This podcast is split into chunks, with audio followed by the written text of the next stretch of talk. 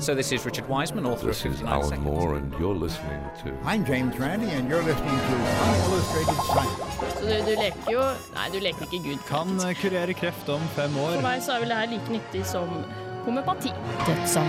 Forskningsnytt. Altså, jeg kan ikke lage en hårete planet. Nei, nei. Uillustrert vitenskap.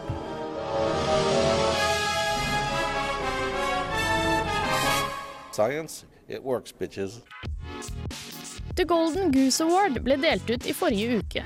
Og vi ser i denne utgaven av Uillustrert vitenskap på nødvendigheten av tilsynelatende rar og meningsløs forskning. Vi skal også stille oss spørsmålet trenger vi egentlig menn?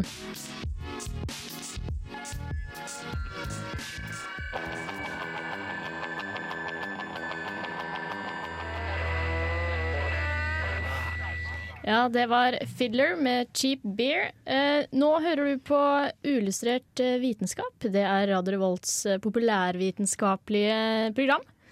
Jeg heter Jeanette Bø, eh, og med meg i studio har jeg som alltid Ole Eivind Sigrud. Hallo, hallo. Og for andre gang Sofia Sundquist. Hallo, hallo. Hei. Snart som alltid. Sna- Snart som alltid. Neste gang får du for alltid. Vi skal i dag ta for oss Mona Lisa. Eh, Det blir flott. Eh, Vi får også nyheter innen aseksuell eh, formering. Det høres jo kjempeflott ut. Og ikke minst Work Drive. Det har vi hatt før. Og nå er det oppdateringer innen den fronten også. Det er noe som opptar meg eh, veldig, i hvert fall. Jeg gleder meg som en unge. Eh, Det har vært Golden Goose Awards. Det var i forrige uke. Det er det vi kommer til å starte med i dag. Og det tar vi rett og slett etter Alla Lass med Sandy.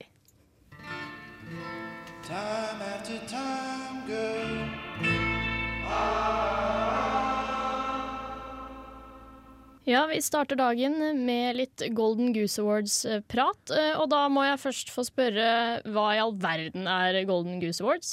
Nei, Golden Goose Awards er da en eh, ny, eh, skal bli årlig prisutdeling som skjer i Washington DC for eh, amerikansk eh, forskning som har fått eh, statlig tilskudd, og som eh, i utgangspunktet virket veldig eh, sær eller rar eller poengløs, men har vist seg i ettertid å være svært gunstig. Eh, flott, men hva, det vi skal, hva skal vi med det? Trenger vi en sånn eh, prisutdeling? Nei, det er jo da startet av en uh, demokrat, eh, Jim Cooper, uh, som er en uh, representant for Tennessee. Og han var så lei av at folk hele tiden trakk opp sånne forskningssaker om forskjellige ting, og så sa at det er bortkastede penger. Staten burde ikke støtte slikt. Ja. Eh, og dette var da som et svar. Og eh, det er jo mange som eh, driver den retorikken, blant annet så har man jo Sarah Palin. This is a matter of how we prioritize the money that we spend. Sometimes these dollars they go to projects having little or nothing to do with the public good. Things like fruit fly research in Paris, France. I kid you not. Ja, det var et dypt sitat der. Ja.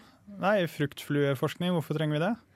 Ja, men hun, hun er jo ikke alene. Det er, det er vel mange som, uh, som syns eh, Altså, støtte til forskning er, er unødvendig. Absolutt. Eh, Det er jo også der de har, har navnet Golden Goose Awards fra. var jo da fra Golden Fleece Awards, som ble utgitt årlig fra 1975 til 1988 av en senator William Proxmire, som også var en demokrat. Eh, Der han trakk frem sånn, det han mente var tåpelig forskning, som da, eksempel på government waste. Og så har vi jo den nye humorsatsingen til TV 2, Ja, eh, Harry. Fakta. Eh, De har jo denne, denne faste spalten da, der de eh, kritiserer eh, statlig forbruk. Og forrige gang så var det en del forskning da, som ble kritisert. Men eh, det er jo det som er viktig med grunnforskning, er jo at man vet ikke hva som kommer til å vise seg å være viktig. Noe kan være ekstremt viktig, men virke helt ubetydelig. Og Det vet man ikke før lenge etterpå. så Derfor er det veldig viktig at det gis mye penger til bare generell grunnforskning og sånn eh, nysgjerrighetsforskning. Ja, eh, Så hvis det er andre som, eh, som egentlig har vært som meg og trodd at det der harde fakta er, er tull, så, så mener de det faktisk. Og, og de er blant en av de som eh, mener at uh, forskning på bananfluer osv., det, det er tull. Nå har de ikke sagt bananfluer i harde fakta, men Jeg tror de mener det. ja, Jeg er ganske sikker. sikkert. Uh, ja, uh, Golden Goose Awards eh, hadde tre vinnere i år. eh, og vi kan kanskje ta og høre den første. Charles Towns var professor ved Columbia University da han begynte arbeidet med å lage en kontrollert stråle av mikrobølger forsterket ved kontakt med eksiterte elektroner. Såkalt stimulert emisjon. Hey.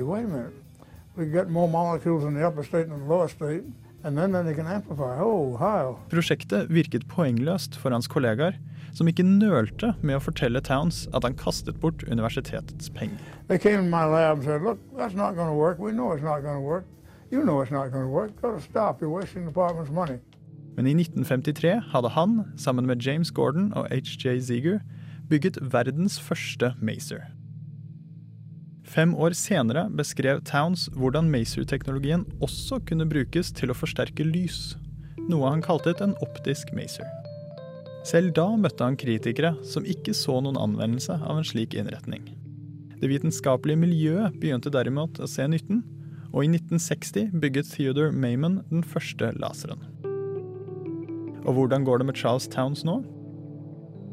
Han er fortsatt bestemt på å oppdage noe nytt. I'm now 97, and life is such fun. I like to keep going. I want to live. I want to live, make it at least to 100. We'll see. And fun to learn new things and discover new things.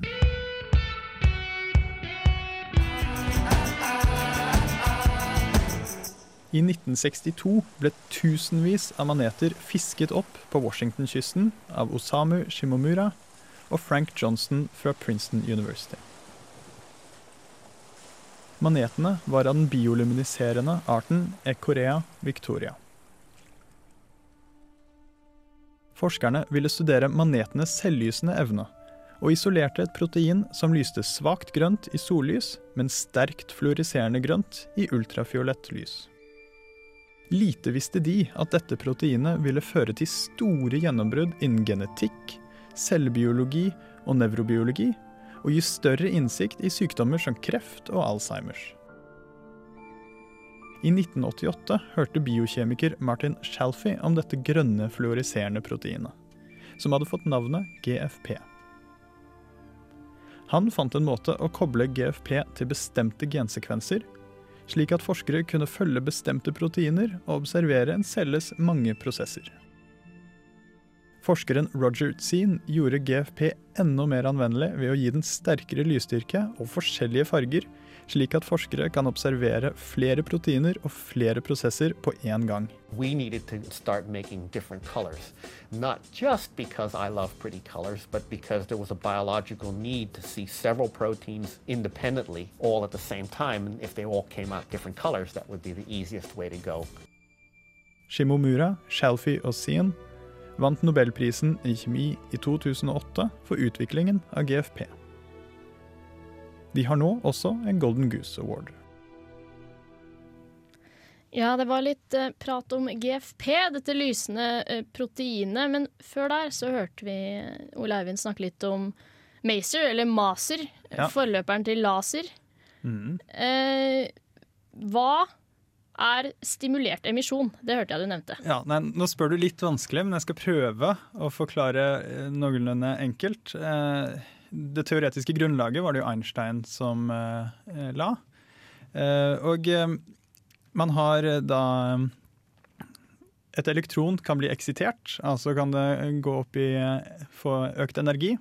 Og da er man jo innom eh, kvanteverden, fordi eh, du kan kun ha på en måte oh, sånn diskrete hopp. da, mellom, altså Den kan være der, og så kan den være et hakk over, men den kan ikke være mellom. Eh, og da, hvis man sender et eh, felt, eller en, uh, da f.eks. mikrobølger her, da, eh, gjennom eh, disse eksiterte elektronene, eh, så vil da disse elektronene de vil da hoppe ned i, i energi. Og så vil da den, eh, dette feltet få denne energiforskjellen som de elektronene de hoppet ned. Og på den måten så blir strålingen eh, forsterket. Da. Uh, ja. Uh, dette skal jeg høre om igjen uh, på podkast, Det må jeg også. Det hørtes antagelig ikke like enkelt ut. Men, men kan det brukes til noe? Eh, Ja, eh, Maseren altså. Den, eh, den benyttes ved bl.a. radioastronomi. Det er noen spesielle radarsystemer som bruker den, og enkelte kommunikasjonssystemer. Så Maseren er absolutt i levende live. Det var ikke bare sånn første skritt mot laseren. Men det er jo selvsagt laseren vi kjenner mest til. Den bruker vi jo i CD-er, vi bruker den til Blu-rays, vi bruker den til satellittkringkasting og laserkirurgi og diverse former for forskning. og Og peke på tavla. Peke på ting. Og vi bruker den ikke til å peke på fly. Nei, det, det, det gjør ikke dere der hjemme heller. Eh, eh, så var det over til eh, GFP. Ja, det er jo dødskult. Eh, Det har vi snakket om før her i Illustrert vitenskap, men det er jo da et protein som fluoriserer. Lyser UV-stråling på det, så lyser det grønt. Og det her kan man jo da genene for GFP kan man da sette inn i forskjellige steder. Så kan man da få de ønskede delene av genene våre til eh, når de produserer proteiner, så henger det på en sånn GFP, og så kan man da se at de lyser.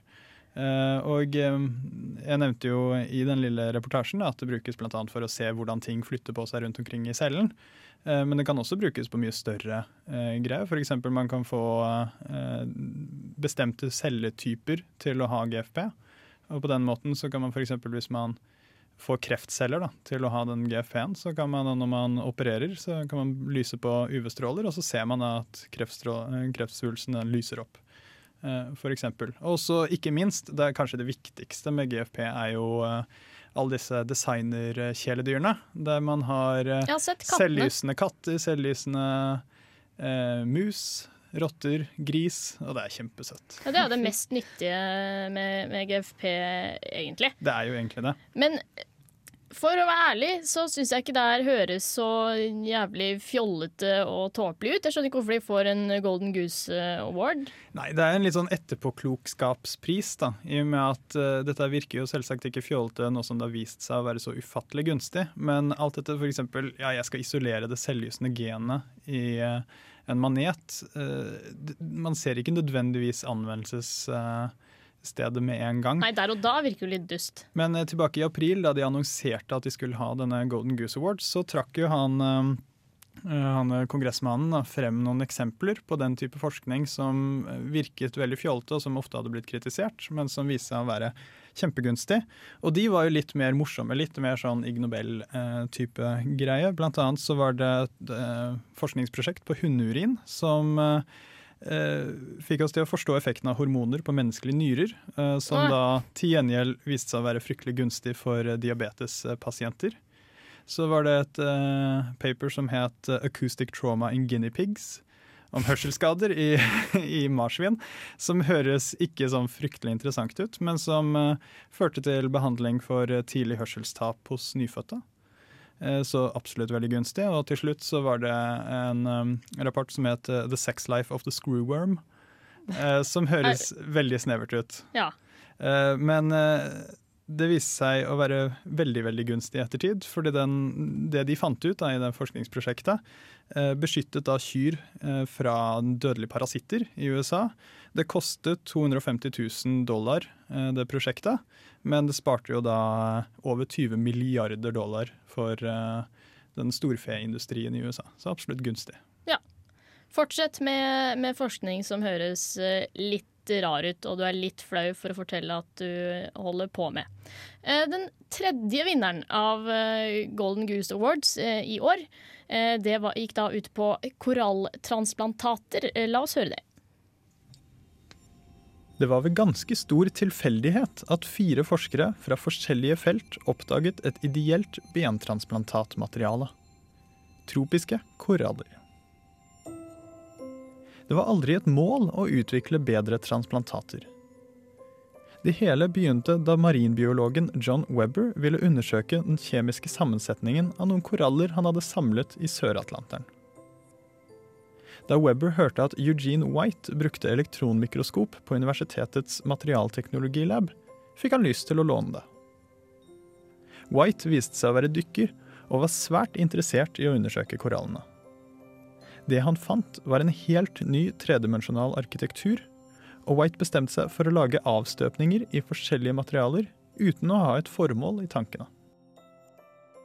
Noen år senere undersøkte Eugenes nivø, medisinstudenten Rodney White, avstøpningene. Og sammenlignet dem med de porøse materialene som på den tiden ble utviklet for bentransplantater. Korallstrukturen viste seg å være helt ideell. Den lot blodårer vokse inn i implantatet og fremmet ny benvekst. If you looked at a, a block of the material and you were, were shrunk to a very tiny size, you would be able to enter at any point, any hole in the thing, go anywhere in a structure and come back out anywhere. So it's completely interconnected. Men siden korallen besto av kalsiumkarbonat, ville den blitt nedbrutt i kroppen før nytt ben hadde hatt tid til å vokse frem. Problemet ble løst av en fjerde forsker, Della Roy, som utviklet en metode for å bytte ut kalsiumkarbonat med hydroksyapatitt. Et mineral som finnes i ben og tenner.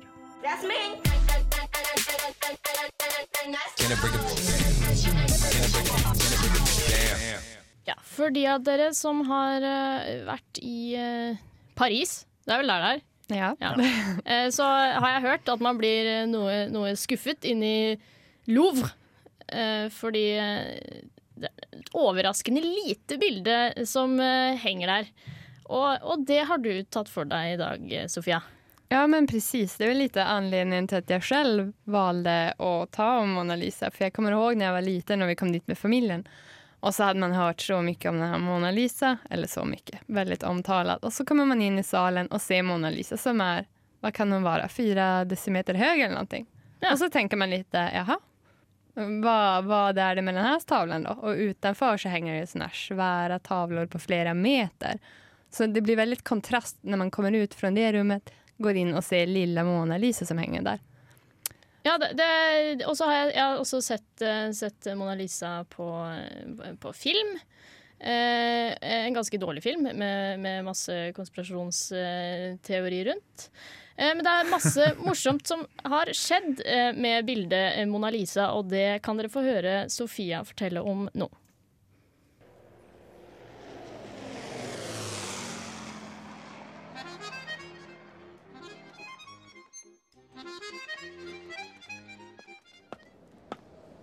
Men er det der Mona Lisa? Den lille der? Hvordan kan et så lite bilde være så kjent? Ja, hun blir en tavla så känd? Året är 1911.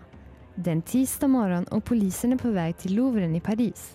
Det har gått över ett dygn innan någon äntligen har märkt att i ett av de mer än tusen rummen så hänger ett par krokar tomma. Mona Lisa er borte!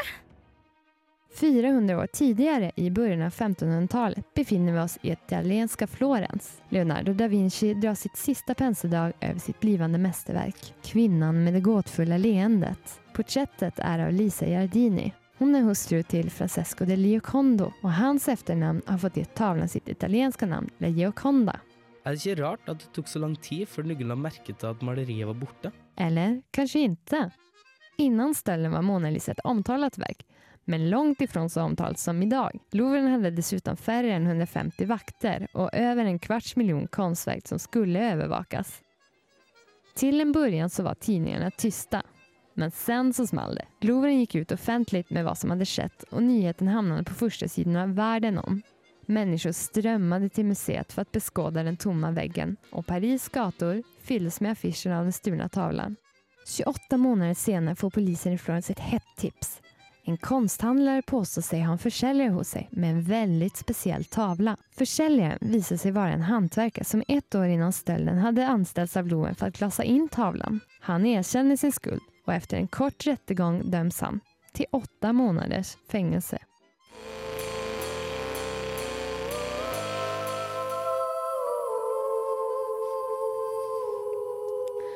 Erlend Elvesveen eh, var det du hørte der, med 'Betal meg i sølv'. Eh, før det så hørte du at eh, selveste Mona Lisa har, eh, ble, har blitt stjålet. Eh, ja. Eh, men jeg lurer på hvorfor, i og med at det er så stygt og lite bilde. Hvorfor, hvorfor stjal man akkurat Mona Lisa? Ja, nei, men det var jo hans hemmelige idol egentlig. Så, nei da, men altså, han som stal, eller han som stal Mona Lisa var jo egentlig en småskurk. Han hadde han åkt inn innan for at han rånade en prostituerad blant annet. Og for at ja precis, uh, burit pistol og sånne småsaker. men på denne tiden så var jo ikke Mona Lisa så känd. Så han tenkte vel at han kunne ta den här tavlan och liksom använda den, sälja den lätt vidare då. Byta ut den mot vapen eller droger och att det skulle gå ganska obemärkt förbi. Men då hade han ju otur då att den här tavlan blev så, fick så mycket uppmärksamhet så det blev väldigt svårt att sälja den vidare när han väl hade den i sin ägodel. Det er kanskje et poeng som disse norske malerityvene ikke har fått med seg. fordi de går jo konsekvent for det mest kjente og stjeler Skrik og Madonna. Ja, eh, Så tips, eh, til dere. Stjel det mer, mer, litt mer obskure ting. Men, men tok de rette fyren? Er det, er det sikkert at det var, var han? Ja, det kan man väl egentligen inte veta. Jo, men vi ska väl säga att de har tagit rätt fyra i alla fall. Men eh, det finns ju massa konspirationsteorier om det här. Då. Eh, bland annat så har ju Louvren blivit anklagad för att man trodde att de hade gjort ett dåligt restaureringsjobb av Mona Lisa, att de skulle putsa upp den. Liksom. Och det gick inte så lyckat och då dolde man Mona Lisa och liksom skyllde på att oj, det var någon som tog den och därför saknades den från museet så länge. Och sen så har franska regeringen beskyllts eh, för att man använder det här som ett sätt att distrahera befolkningen från att eh, det var liksom på den här tiden så var man lite upprörd över att Frankrike koloniserade Afrika. Och att då man ville ha fokus på någonting annat. Och då, liksom, då tog man Mona Lisa och gjorde det till en stor grej. Och så fick folket tänka på någonting annat än koloniseringen i Afrika. Ja. Så det är lite diverse teorier om det här. Det er ikke alle konspirasjonsteorier rundt Mona Lisa som handler seg om eh, Jesus etterlinje, altså. Nei, nei det, det er jo spennende. Men, eh, men eh, ja, jeg, er enig i at, at å bruke pengene til dop og horer eh, høres ut som det mest logiske av, av teoriene. Men eh, du, Ole Eivind, har, har kommet på en uh, teori om, uh, om uh, smilet hennes. Ja, nei, fordi det smilet har jo alltid vært så veldig mye omtalt. Smiler hun, smiler hun ikke? Eh, Er jeg- hun mann? Er hun dame? Jeg skjønte det aldri før, før ikke så veldig lenge siden, egentlig. Eh, fordi hver gang jeg så på bildet, så så jeg jo veldig på det, og det ser jo ikke ut som hun smiler.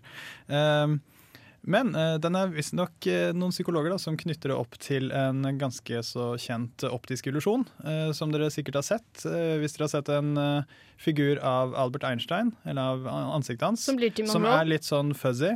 Ja. Og da hvis du går langt unna, så ser du Marilyn Monroe. Hvis du går nærme, så ser du Albert Einstein. Ha, det har ikke jeg hørt. Det måste jag Det er testa. kjempemorsomt. Vi må legge det ut på eh, Facebook, på Illustrert vitenskapsside der. Kan man gjøre tvert om med Marilyn Monroe da også, at man bakker og ser Einstein? Ja, eller du nærmer deg Jeg altså, Hvis du går nærmere, så ser du Einstein. Hvis du går lenger fra, så ser du Marilyn Monroe.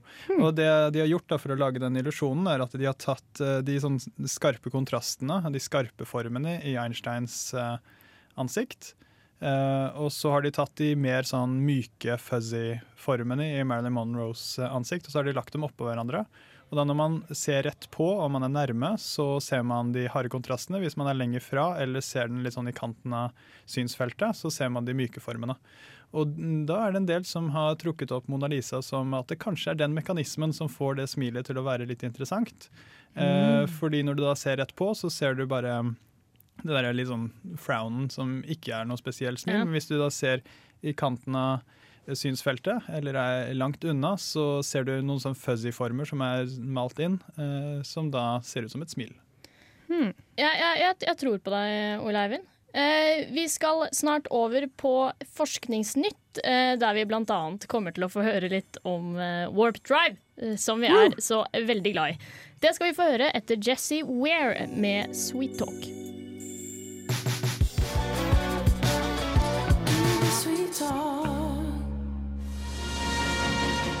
Uillustrert vitenskap presenterer Forskningsnytt.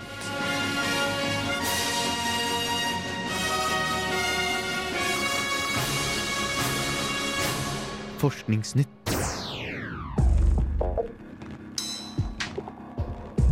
En warp drive som kan muliggjøre reiser raskere enn lyset, noe som er blitt gjort populært av Star Trek, er kanskje ikke så urealistisk som vi tror. Som tidligere nevnt i Uillustrert er en eventuell warp drive svært energikrevende. Altså et krav på hele Jupiters masse omgjort til ren energi. Men nå sier fysikere at noen justeringer på warp drive-konseptet kan gjøre at det kan gjennomføres med betydelig mindre energi. Harold White ved NASAs Johnson Space Center sier at om man gjør den flate ringen som skal omkretse det tenkte romskipet mer smultringformet, vil ikke Warp Drive kreve mer enn massen til Voyager 1 omgjort til ren energi. Og han er svært optimistisk til flere justeringer som kan få ned energibehovet.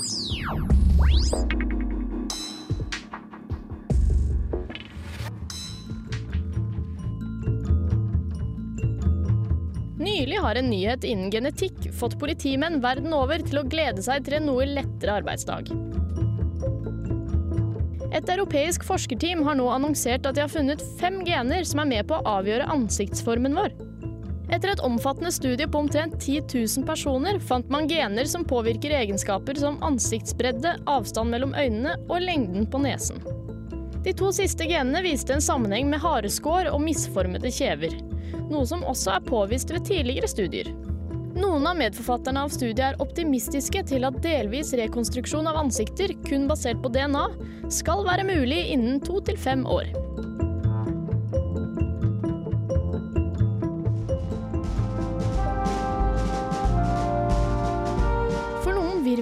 Er aseksuell reproduksjon eller jomfrufødsler normen. Men i dyrehager og akvarier har zoologer dokumentert dette underlige fenomenet hos fugler, haier, slanger og komodovaraner. Men dette altså kun i fangenskap. Inntil nå. Til nå har den mest forståelige teorien til dette vært at hundene kun reproduserer seg aseksuelt om det er helt nødvendig. Altså om de ikke finner noen partner. Men nå har man for første gang funnet slangemødre spesielt i den amerikanske hoggormfamilien, som reproduserer seg aseksuelt selv om det er menn til stede. Dette oppstår ifølge testene så ofte som én av 22 ganger. Så det store spørsmålet er nå hvorfor i all verden gjør de dette?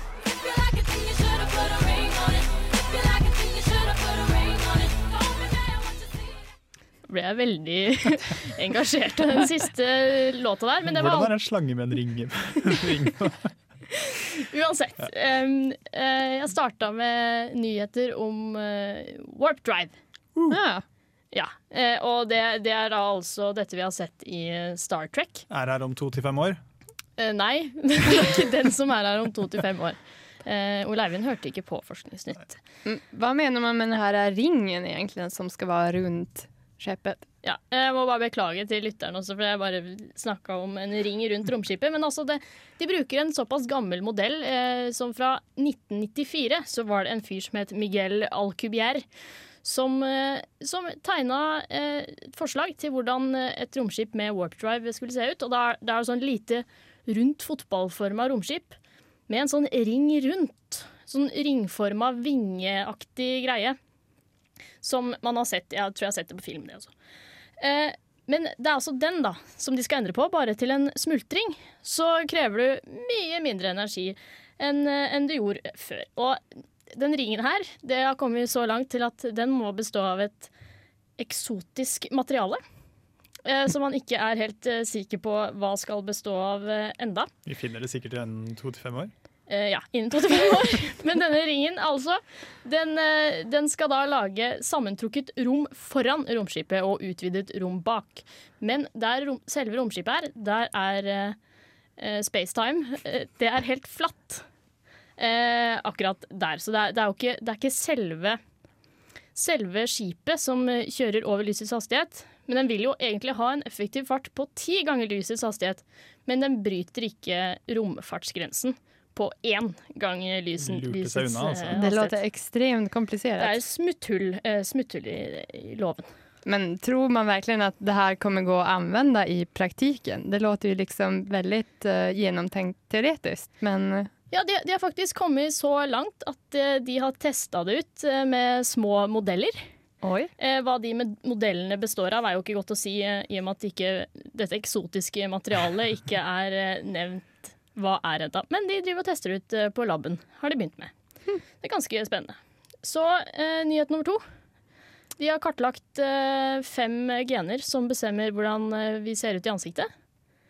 Eh, det, det, det var flott. Fem. Det var veldig få gener.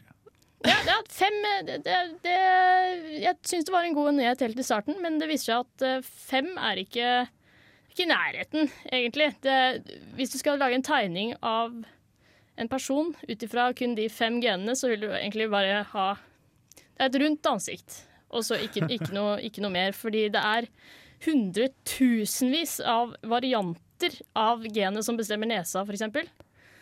Mm. Eh, og, og det er jo hundretusenvis med, med små detaljer i, i fjeset. Så det var jo en optimistisk fyr eh, på dette forskerteamet som sa om to til fem år. Da må man tenke at man har kommet ganske langt på forskningen innom det her ennå. Ja, nei, eh, det, vi er, det er ikke langt på vei. Fordi For de andre greide å hause han ned eh, lenger ned eh, i artikkelen og sa at dette kommer til å ta veldig lang tid. Men kanskje da om fem år så greier vi å ha en veldig grov tegning eh, av eh, voldtektsforbryteren og komme fram til at han faktisk hadde fjes, Øyne og nese. øyne og nese. Og, og kanskje hake, hvis vi er heldige. Kanskje øyen. Og så var det flott, eh, den siste nyheten med den flotte musikken. Den stolte slangen. Ja, jomfrufødsler hos slanger. Hmm. Det, det, det er nytt, faktisk. Så du behøver vi inte männen längre. Eh, ja, det var det. Det var det jeg tenkte, da. Det var derfor jeg la på Beyoncé der. Men det er eh, de, de barna da, som er resultat av eh, jomfrufødsel, eh, de, de dør eh, ofte. Eller, eller bare er litt sånn dårlige. Litt syke. Eh, fordi de er Det er jo kjempeinnavl. Det er jo kloner. Er det? Ja, nei, men det er, det er en liten celle som har blitt lagd samtidig som eggcellen, som greier å imitere sædcellen på et eller annet vis. Så det er en halvklone.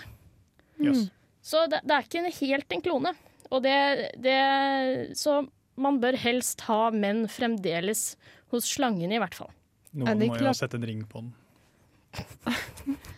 Men, Nei men, men eh, om det nu verkar vara så Oles at att de får så dåliga avkommor det här, varför håller man på med det här överhuvudtaget? De har, de har to teorier på hvorfor de, de gjør det. Og det, det er jo at de, de damene de fant, som hadde bare klona seg selv, de var litt sånn mindre og styggere. enn- Stakkars. Så de, andre teorien var. Den andre teorien var at det er en random eh, forplantningsfeil, eh, som er, kanskje kan være trigga av et virus. Og noe som er litt rart, er at disse slangene får normalt 6-20 avkom, mens de som har da fått et slags klon, de har bare fått én. Eh, og de, de aner ikke hvorfor. Men, eh, men, men det er spennende. Eh, vi eh, begynner å få kjempelite tid, eh, så vi skal kjøre i gang en låt som heter Watergun. Den er laget av Kilo Kish. Stay back, but no one heeds run from water guns at the county track meet. Watergun der. Eh, vi er Uillustrert vitenskap, eh, og vi har eh, begynt å seile mot eh, klokka fem. Eh, så da må vi snart gratulere oss selv med overstått eh, podkast eh, nummer 90. Det, det er stas. Da, det tyder jo på at det blir eh, nummer 100 eh, i, i løpet av semesteret. Ja. Men neste uke, eh, det vil da si podkast 91 Da er det vår årlige Ig Nobel-spesial, fordi Ig Nobel-prisen den deles ut i morgen. Ja. Amerikansk tid. da. Og for de av dere som fulgte med i fjor, så var det da sånn artige priser med sånn wasabi-alarm. eh, Og det, det er jo de prisene da som Litt Golden Goose-aktig, bare Ja, litt, litt- mindre seriøst. Ja, litt Trenger ikke være nyttig. Ja det, det, det er ikke sikkert at disse får en nobelpris i fremtiden, men det har skjedd, det også.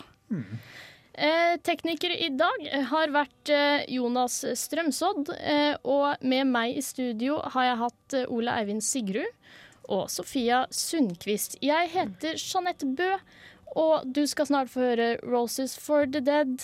Takk for oss. Tackar.